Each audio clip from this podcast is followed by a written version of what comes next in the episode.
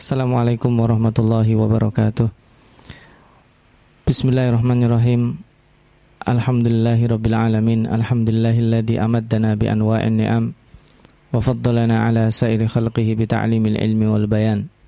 Allahumma salli wa sallim wa barik ala sayyidil anam Sayyidina Muhammadin sallallahu alaihi wasallam Wa ala alihi wa ashabihi wa ba'd Jamaah halaqah tadabbur Al-Quran yang dimuliakan Allah Bapak-bapak, ibu-ibu sekalian Bersyukur kepada Allah Subhanahu Wa Taala Memberikan nikmat kepada kita Nikmat yang tidak pernah dibatasinya Nikmat yang tidak bergantung pada ketaatan ataupun kemaksiatan kita Yang ini sekaligus menahbiskan Allah Subhanahu Wa Taala sebagai zat yang maha penyayang Mudah-mudahan rahmat tersebut akan membawa kita semakin dekat dengan kecintaan dan ridha Allah Subhanahu wa taala. Allahumma amin. Pada kesempatan kali ini kita melanjutkan halaqah tadabur kita. Halaqah yang ke-42 sebagai lanjutan dari kisah yang Allah Subhanahu wa taala tuturkan kepada baginda Rasulullah sallallahu alaihi wasallam tentang Bani Israel yang ingin dikaruniakan kepada mereka seorang raja dan kemudian di luar ekspektasi mereka dan di luar prediksi mereka ternyata Allah karuniakan Talut yang menurut mereka uh, tidak layak uh, untuk menjadi raja. Kemudian Allah Subhanahu wa taala merekayasa munculnya figur yang lain yaitu Nabi Daud alaihi salam melalui proses yang sangat natural sekaligus mengakhiri kezaliman yang Allah akhiri dengan simbolnya yaitu Jalut dan Jalut dibunuh oleh Nabi Daud alaihissalam dengan persenjataan yang di luar bayangan oleh uh, para pasukan Bani Israel ataupun terlebih Jalut dan pasukannya. Dan di sini Allah SWT menekankan dengan kata-kata fahazamuhum dan ini berarti bisa jadi peristiwa peperangan dan pertumpahan darah itu tidak terjadi karena qatala Dawud Jaluta Allah Subhanahu wa taala meniadakan dan mematikan simbol kezaliman tersebut. Maka pada kesempatan kali ini ketika pada pertemuan sebelumnya Allah menegaskan inna kalaminal mursalin bahwa Nabi Muhammad sallallahu alaihi wasallam termasuk di antara para rasulnya dan ini ayat-ayat dan tanda-tanda kekuasaan ini Allah berikan kepadanya. Maka pada kesempatan kali ini kita lanjutkan pada halakah yang ke-42 yang mengisahkan tentang rasul-rasul tersebut. Pada hari ini kita akan menadaburi Al-Baqarah 253 sampai 256. A'udzu billahi minasyaitonir rajim. Tilkar rusulu faddalna ba'dahum ala ba'd minhum man kallama Allah wa rafa'a ba'dahum darajat Isa ibn Maryam al-bayyinat wa ayyadnahu biruhil qudus. Tilkar rusul. Itulah utusan-utusan Allah. Sebelum Nabi Muhammad diutus ada banyak para nabi dan para utusan Allah. Faddalna ba'dahum ala ba'd yang Allah lebihkan satu di antara yang lainnya. Kelebihan ini sangat manusiawi dan diperbolehkan. Kelebihan ini bukan berarti merendahkan yang lainnya. Ketika kita bilang kita katakan Nabi Muhammad Sallallahu Alaihi Wasallam adalah para di antara para nabi yang berprestasi bahkan yang terbaik di antara para nabi bukan berarti ini mendowngrade nabi yang lainnya dan ini dijelaskan kualifikasi serta kelebihan apa saja yang Allah berikan kepada para rasul. Yang pertama dimulai dengan minhum man Allah. Ini merujuk kepada Nabi Musa alaihissalam yang dimaksud adalah Nabi Musa yang dikenal dengan kalimullah dan nanti setelah itu akan disebutkan Isa ibnu Maryam.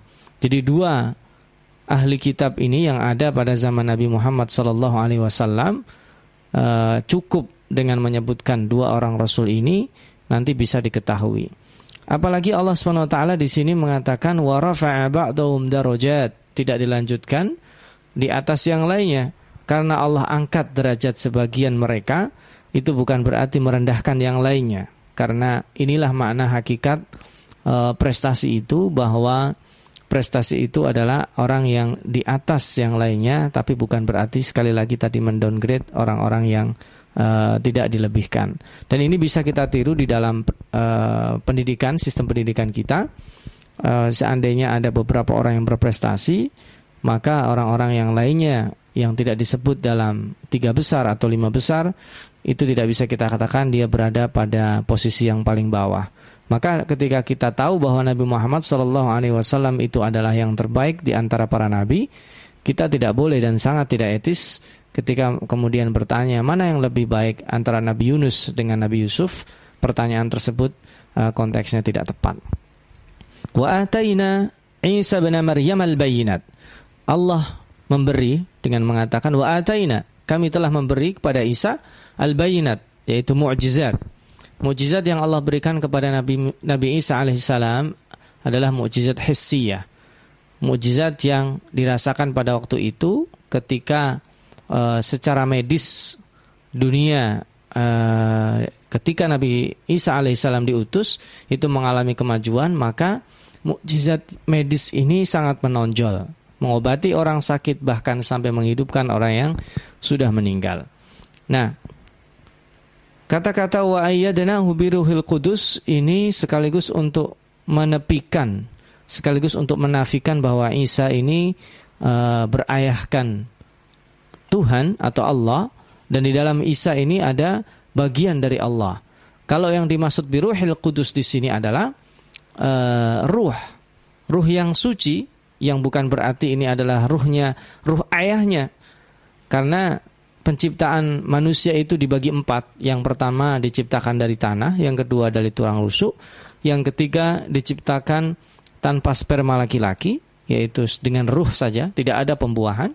Dan yang keempat adalah manusia normal yaitu kita. Maka wa ayyadnahu biruhil qudus itu artinya dua. Dimensi biologisnya bahwa penciptaan Isa alaihissalam itu tidak ada pembuahan. Biruhil Kudus juga dimensi psikologisnya perjuangan Nabi Isa itu senantiasa uh, di belakangnya ada Ruhul Kudus. Walau Allahu maqtatala alladhina min ba'dihim min ba'di ma ja'adhumul bayyinat walakin ikhtalafu faminhum man amana wa minhum man kafar. Seandainya Allah menghendaki, maka tidak akan ada peristiwa pembunuhan, saling membunuh, saling berperang setelah kedatangan para rasul di setiap masanya. Tetapi mereka berselisih sehingga mengakibatkan perselisihan itu pertempuran. Dan di lain pihak sebagian di antara mereka ada yang beriman, sebagian lagi ada yang kafir. Coba kita perhatikan kata-kata detil yang ada di sini. Ada dua hal di dalam kalimat-kalimat ini. Yang pertama, iqtatalalladzina min ba'dihim ini menandakan bahwa di setiap masa setelah diutusnya para nabi itu akan ada peristiwa saling bunuh di antara mereka. Nah, peristiwa saling membunuh ini pemicunya sangat banyak. Yang paling utama adalah di sini dikatakan walakin ikhtalafu. Perbedaan ideologis. Wa minhum man amana wa minhum man kafar. Ini yang kedua. Jadi peristiwa itu dipicu oleh perbedaan ideologis. Tetapi apakah kemudian ada pertanyaan, apakah ideologi itu menghasilkan saling bunuh? Itu yang menjadi masalah di sini. Padahal tidak seharusnya karena ideologi keyakinan yang Allah turunkan melalui para nabi itu menghasilkan kedamaian. Tetapi iktital di sini artinya kita kembali kepada ayat 251. Walaula daf'ullah walaula daf'ullahin nasa ba'dahum bi ba'din la fasadatil ard. Allah eh, sebagai sunnatullahnya akan selalu ada orang yang zalim. Maka dengan melalui hambanya yang lain sebagai tokoh protagonis akan mengakhiri kezaliman itu. Maka terjadilah peristiwa al-iqtital. Tetapi al-iqtital ini dimulai dari kubu kezaliman. Kubu kezaliman itu dikatakan iktital karena mereka tidak mungkin hanya membunuh satu kali dan al-iktital itu terjadinya berulang-ulang, maka peristiwa kezaliman itu akan senantiasa ada. Maka penegasannya faminhum man amana wa man kafar. Nanti di akhir tadabur kita akan ditegaskan bahwa tidak ada paksaan dalam beriman bagi setiap orang menyukai iman silahkan, dia mengingkari silahkan.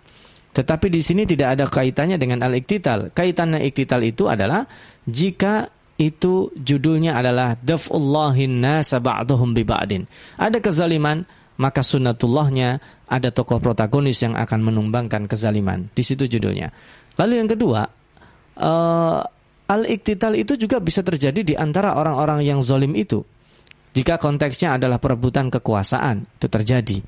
Jadi konteks ideologis terjadi, konteks perebuat perebutan kekuasaan terjadi. Bahkan dalam konteks apa pun, dalam konteks personal di tengah-tengah masyarakat, al-iktital itu terjadi.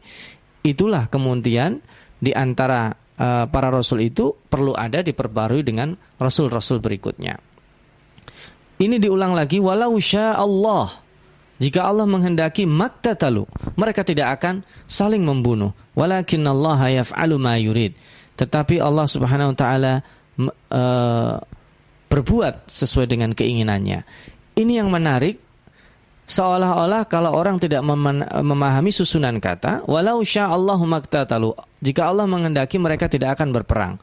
Ini ada indikasi secara uh, bahasa seolah-olah berarti Allah menginginkan mereka berperang padahal tidak. Walakinallaha yaf'alu ma yurid. Yaf'alu ma yurid itu kembali ke ayat 251 daf'ullahin nasa ba'dahum bi ba'din jadi Allah SWT memberikan peluang bagi hamba-hambanya yang ingin memperjuangkan agamanya, yang ingin meruntuhkan kezaliman, yang ingin membela yang mazlum, yang ingin menegakkan kalimat Allah. Jadi penekanannya bukan di iktital, karena kalau kita kembali lagi kepada ayat yang pernah kita tadaburi sebelumnya, fahazamuhum wa qatala Dawudu Jaluta. Di sini Al-Fakir lebih cenderung e, mengambil kesimpulan bahwa tidak ada pertumpahan darah. Jadi al-iktital di sini tidak menjadi tujuan utama Allah, tapi yang menjadi tujuan adalah mengalahkan kezaliman melalui hamba-hambanya yang ditugaskan memakmurkan di bumi ini. Ya ayyuhalladzina amanu. Ini bukti lain berikutnya Ya ayyuhalladzina amanu anfiqu mimma razaqnakum min qabli an ya'tiya yawmun la bay'un fihi wala khullatun wala syafa'ah wal kafiruna humudz zalimun. Wahai orang-orang yang beriman, berinfaklah. Ini yang menarik. Kita membicarakan tentang uh, pembunuhan, tentang sunatullah uh, pergantian para nabi. Kemudian kok ada infak yang ini yang menjadikan para pakar bahasa atau dalam ilmu munasabat itu bisa kita tadaburi ternyata menurut sebagian pakar bahasa ini konteksnya masih konteks dibicarakan pada ayat sebelumnya ini masih iktital jadi kalau di sini ada infak berarti di sini infaknya adalah jihad visabilillah jadi kalau ada proses jihad visabilillah itu adalah kita perkuat kekuatan militer kita, maka itu judulnya ayat ini. Dalam proses membangun martabat bangsa kita, maka berjihad untuk pertahanan itu, itu judulnya adalah anfiku mimma razaqnakum, maka jika judulnya adalah untuk meninggikan kalimat Allah, untuk mengentaskan kezaliman, untuk mengentaskan orang-orang yang dizalimi, untuk daf'ullah tadi itu, maka itu judulnya adalah uh, kita men, uh, memenuhi panggilan Allah dalam ayat ini. Dan ini menurut pakar bahasa juga di antaranya Imam Az-Zajjaj atau uh, Al-Alusi atau bahkan bisa jadi kita membaca dalam buku-buku tafsir yang lainnya seperti Abu Hayyan itu ada indikator ancaman min qabli ayyatiya yaumun la bay'un fihi wala khullatun itu sebagian mengatakan ini wajib jadi infak fisabilillah itu hukumnya wajib. Maka ketika judulnya infak fisabilillah hukumnya wajib, itu para ulama berarti yang dimaksud di sini adalah zakat. Tetapi uh, kita mengikuti penafsiran jumhur bahwa yang di dalam ayat ini ini include semua fisabilillah. Yang pertama dimulai dari zakat, yang berikutnya adalah infak yang lebih umum, sodaka, yang kemudian bisa jadi kardon hasana, pinjaman yang baik bagi orang-orang yang memerlukan. Nah, ini uh, adanya ancaman min qabli ayyati yaumun la bay'un fihi wala khullatun wala syafa'ah. Ada tiga di sini ancamannya. Berinfaklah kalian sebelum datang sebelum datang hari tidak bermanfaat transaksi, kemudian tidak bermanfaat pertemanan dan tidak bermanfaat syafa'ah itu kalau bahasa kita sekarang adalah uh, rekomendasi, tazkiyah atau kata belece. Jadi tidak ada lagi nanti transaksi bermanfaat di hari kiamat ketika sudah datang hari kiamat tidak bermanfaat pertemanan, tidak bermanfaat adanya rekomendasi. Nah, maka infak itu judulnya adalah kita mentransfer. Harta yang kita miliki di tangan kita itu tidak akan berguna. Seperti hanya seseorang kalau pergi ke luar negeri, sekaya apa pun uang rupiah tidak berguna. Tetapi uang rupiah harus ditransfer menjadi mata uang yang berlaku di tempat tersebut.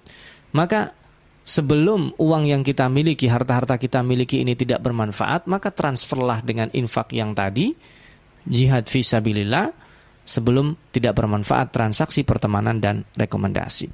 Wal kafiruna. Ini semakin menegaskan bahwa infak itu adalah untuk memerangi kezaliman. Jadi ini konteksnya masih masih berhubungan dengan kisah Tolut, Jalut dan Nabi Dawud alaihi salam. Nah, yang berikutnya ini setelah uh, membahas yang lain-lainnya sekarang dikerucutkan pembahasan kepada Allah Subhanahu wa taala dan ayat inilah karena ayat inilah surat Al-Baqarah dikatakan sanamul Quran dikatakan Al-Baqarah adalah salah satu inti Al-Quran.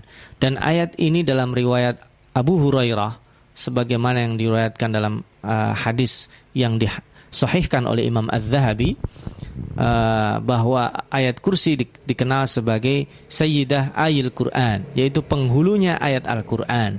Dan ayat ini juga kita baca setiap pagi dan petang, termasuk dalam salah satu azkar yang disunahkan kita membaca di pagi hari dan di petang hari, bahkan setelah selesai kita melakukan sholat uh, faraid yang uh, lima waktu itu.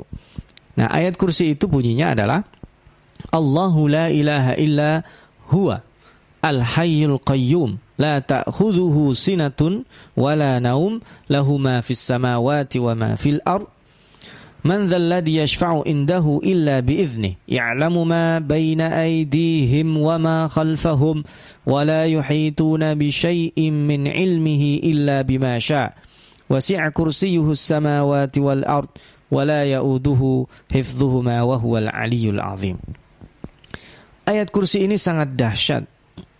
Ayat kursi ini kita tidak hanya mengambil fadail keutamaan keutamaannya. Tapi mari kita lihat dari struktur bahasanya. Mari kita lihat dari kemukjizatan pilihan-pilihan dan diksi kata yang Allah kemukakan di dalam ayat ini. Allahu la ilaha illa huwa. Ini adalah penegasan. Ini adalah kata-kata yang terdiri dari tiga huruf saja. Dirangkai dalam satu kata yang jami' yang manik dikatakan jami' dan manik yang menyeluruh dan tidak bisa memasukkan unsur selain yang diinginkan Allah, Allahu la ilaha illa huwa. Tiada Tuhan selain Allah. Allah mendahulukan nafi dan mengakhirkan isbat. Itu karena otak kita tidak mengenal sesuatu yang negatif. Sebagai contoh, kalau seandainya saya katakan kepada bapak-bapak dan ibu-ibu, saat ini kita dilarang membayangkan seekor unta yang tertawa. Meskipun itu saya larang mati-matian, meskipun kita larang mati-matian, tetapi bayangan unta itu sudah pasti akan hadir dalam benak kita. Karena otak manusia tidak mengenal sesuatu yang negatif. Maka ketika Allah katakan, La ilaha, itu juga artinya adalah bahwa Tuhan itu menjadi sesuatu yang pasti bagi manusia. Meskipun ditiadakan, maka dia menjadikan kebutuhan yang wajib sekaligus bagi seorang yang ateis yang tidak mempercayai Tuhan. Permasalahannya ketika Allah menyebut ini dalam bentuk single, berarti hanya ada satu Tuhan yang layak disediakan sesembahan. Hanya satu Tuhan yang layak untuk dijadikan sandaran. Hanya satu Tuhan yang layak dijadikan sebagai sumber rujukan dalam hidupnya. Maka kemudian datanglah illallah, di situlah isbatnya. Dan itulah yang kita baca setiap hari iya karena abud wa iya karena stain. Iya karena abud dimensinya adalah kita kultuskan Allah karena di situ tidak menerima selain Allah. Iyakah hanya kepadamu. Dan ini didahulukan karenanya tidak ada kita mengatakan na'buduka wa nasta'inuka. Tapi iyakah hanya kepada Allah kita menyembah, kita menangis, kita mengadu, kita mengeluh, kita bersandar dan sebagainya, tetapi intinya adalah kepada Allah Subhanahu wa taala. Ini yang pertama. Yang kedua, siapakah Allah itu? lafdul jalalah yang disebut di dalam ayat kursi ini Al-Hayyul Qayyum yaitu zat yang maha hidup Al-Qayyum zat yang senantiasa terus menerus Qayyum ini adalah bentuk superlatif daripada qiyam atau qaim. Qayyum yang senantiasa mengurus hambanya. Al-hayyu ini hidupnya qayyum, stabil. Kalau kita manusia, al-hayyu memang kita hidup, tetapi didahului dengan kematian dan akan berakhir dengan kematian. Allah tidak demikian. Hidupnya stabil tanpa kematian, tanpa didahului kematian atau diakhiri dengan kematian. Qayyum kualitasnya sama, bahkan bisa lebih baik. Kenapa? Manusia yang hidup pada saat jam 7 pagi berbeda pada saat dia hidup di jam 10 malam. Pada saat dia lapar hidupnya berbeda pada saat dengan dia kenyang. Pada saat dia bahagia berbeda dengan ketika dia sedih. Pada saat dia ditimpa musibah, berbeda ketika dia dikaruniakan berbagai nikmat yang sangat banyak. Itu tidak stabil. Tetapi Allah Al-Hayyu Al-Qayyum. Allah ini maha sibuk. Di dalam surat Ar-Rahman Allah menyatakan, Kulla yaumin huwa fi sya'n. Allah adalah zat yang maha sibuk. Dia mengurusi semua. Dia mendengarkan permintaan semua. Bahkan kalau kita renungi sebelum kita tidur setiap hari, kita tidak sempat memanjatkan doa khusus kepada Allah Jagalah anggota tubuhku satu, dua, tiga dan sebagainya.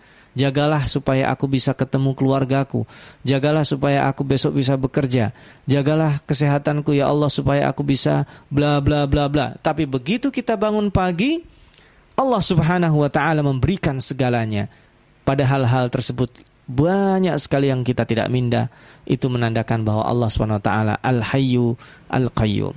Dan ini Al-Qayyum Al-Hayyu Al-Qayyum ini dijelaskan Allah la ta'khudhuhu sinatun wala naum tidak pernah Allah itu mengantuk tidak pernah juga Allah tidur jangankan tidur mengantuk pun tidak padahal tidur dan mengantuk itu adalah dua nikmat yang diberikan Allah kepada manusia tanpa adanya mengantuk maka akan ada banyak sekali kecelakaan terjadi tanpa adanya orang tidur maka tidak akan ada orang besok dia menjadi bugar karena pada saat tidur di situ sel-sel mati mengalami revitalisasi.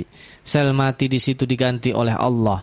Sel mati dalam tubuh manusia di situ dalam ada proses perbaikan recovery biologis sehingga Allah Subhanahu wa taala di sini akan semakin menahbiskan dirinya tadi Allahu la ilaha illahu al hayyu zat yang maha hidup al qayyum zat yang maha sibuk yang terus menerus mengurus hambanya la ta'khudhuhu sinatun yang sama sekali tidak pernah mengantuk wala naum apalagi tidur.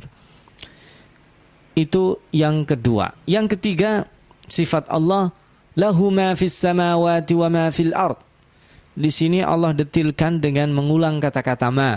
Karena di ayat lain bisa disebut ma fis samawati wal ard tapi di sini disebut dua-duanya.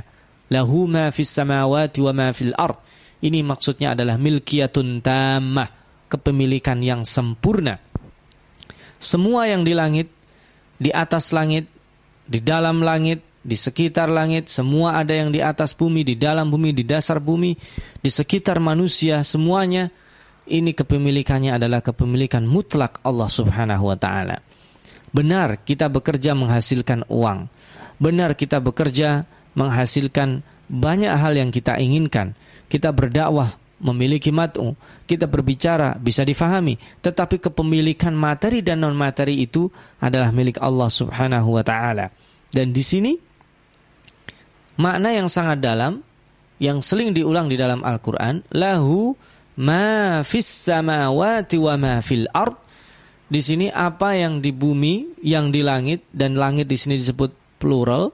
Bumi disebut satu meskipun hakikatnya juga plural ini menandakan bahwa tidak ada kepemilikan yang mutlak melebihi kepemilikan Allah Subhanahu wa taala. Kita memiliki dua orang tua. Kepemilikan itu ketika kita masih hidup.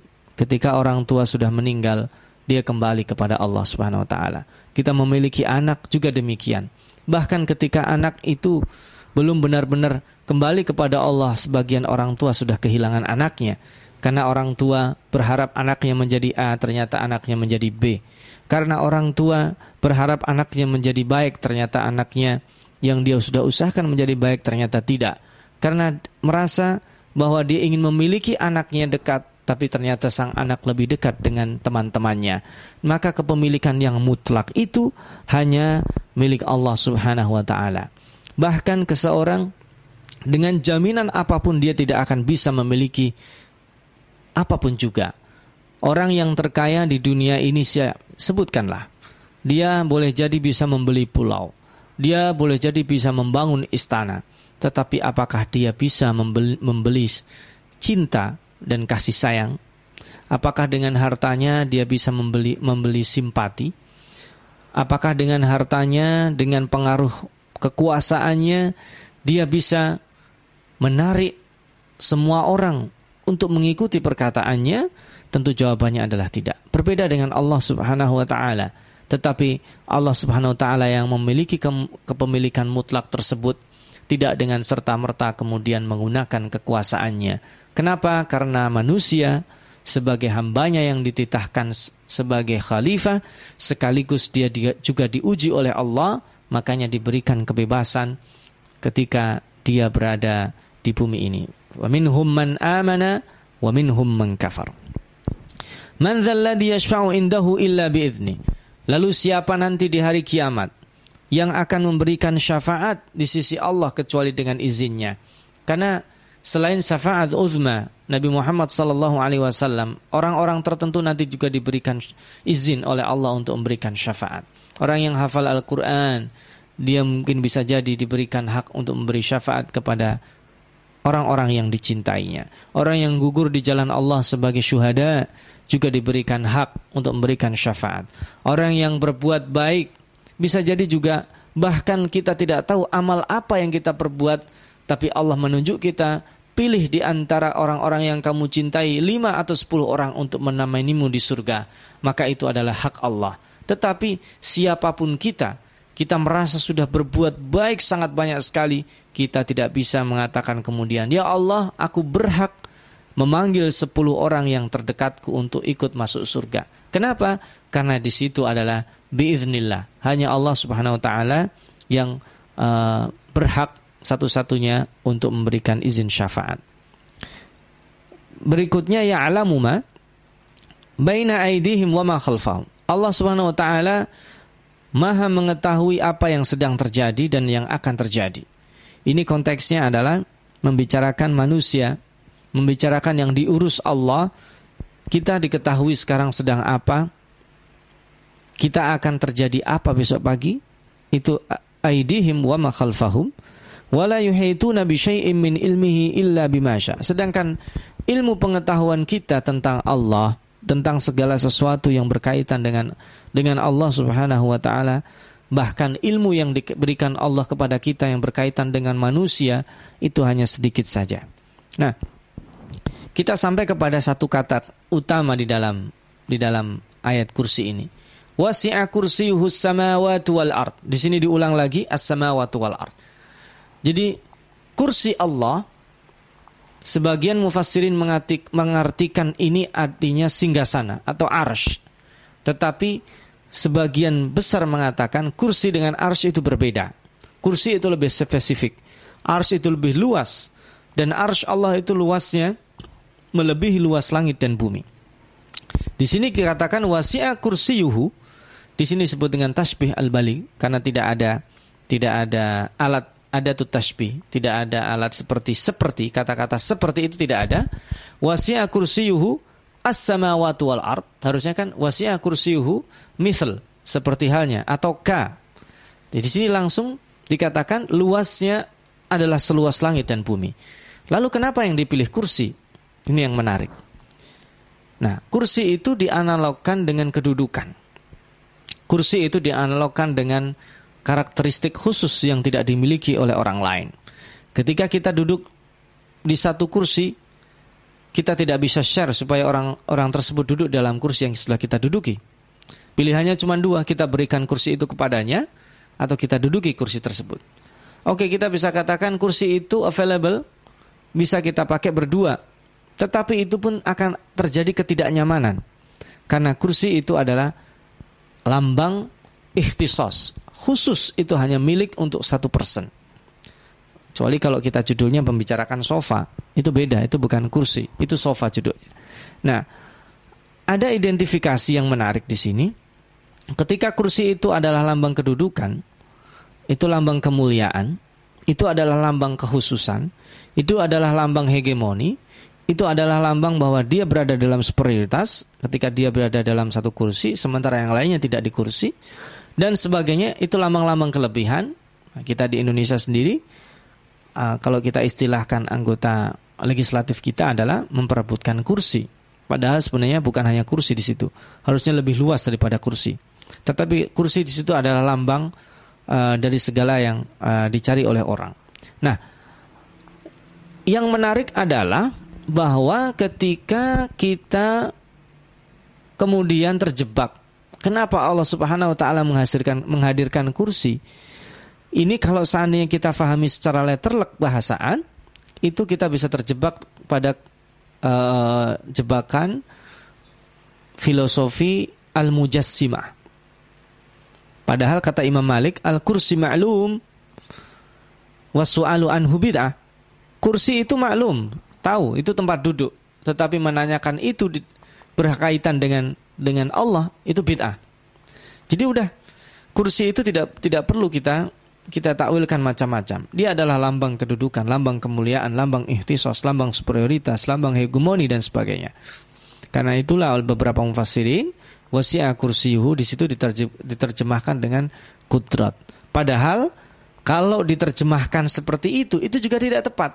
Coba mari kita kita kita bahas. Wasi'a kursiyuhus samawati wal ard. Kekuasaan Allah itu adalah langit dan bumi. Padahal kekuasaan Allah melebihi itu.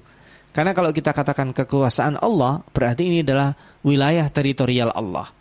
Itu sama dengan misalkan uh, Sultan A menguasai daerah A, sementara daerah B tidak dikuasai oleh dia.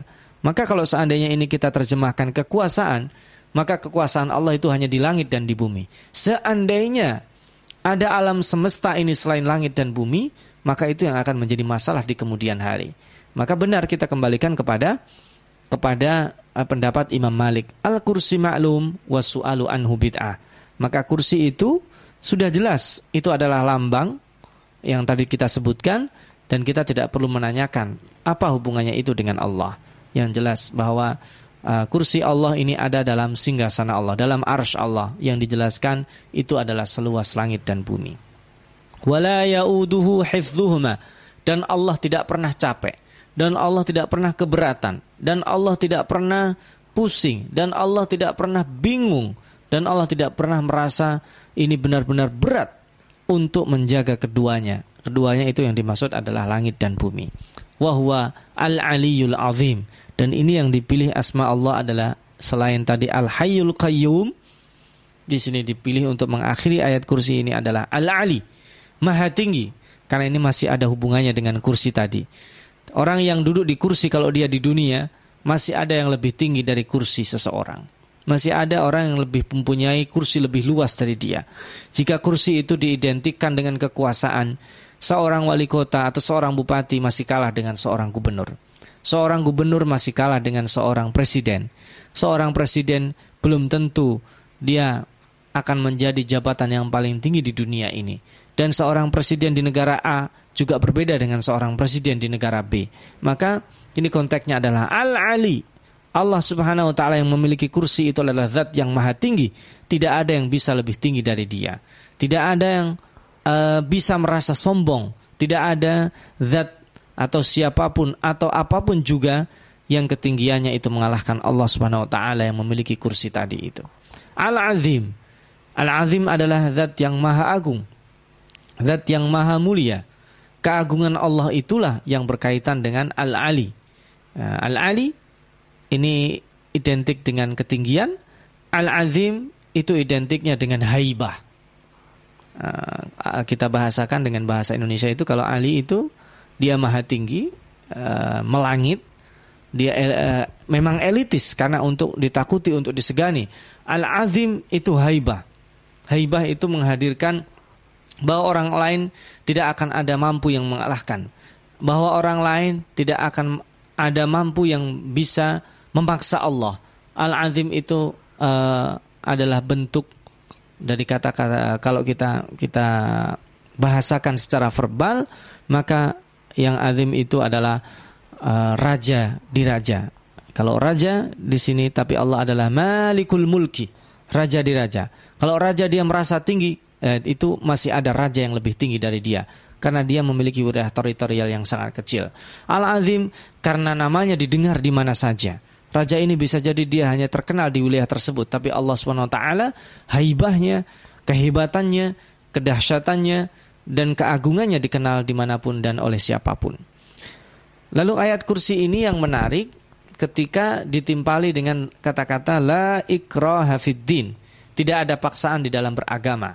Nah ini kembalinya kepada tadi yang atas. Faminhum man amana wa minhum man kafar. Silahkan.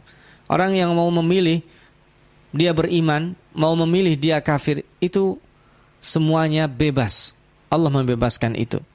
Qad tabayyana rusydu minal ghai. Karena jalan kebaikan, jalan kebenaran itu sudah jelas, jalan kesesatan juga sudah jelas.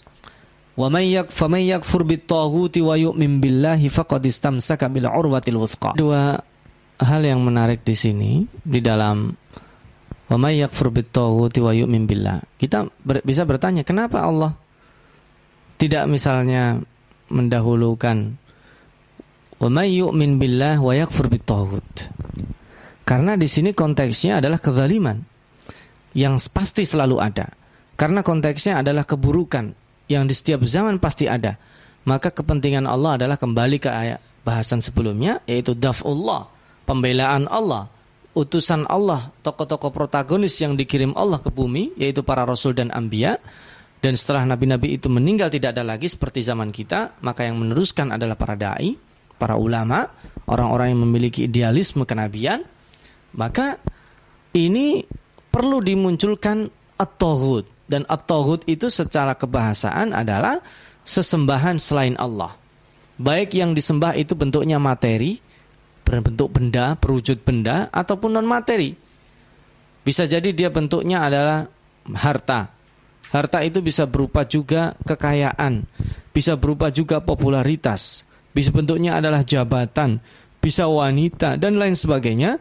Kalau dia adalah melebihi Allah, mengalahkan Allah, maka itu disebut dengan at Karena datang berikutnya wa yu'min billah.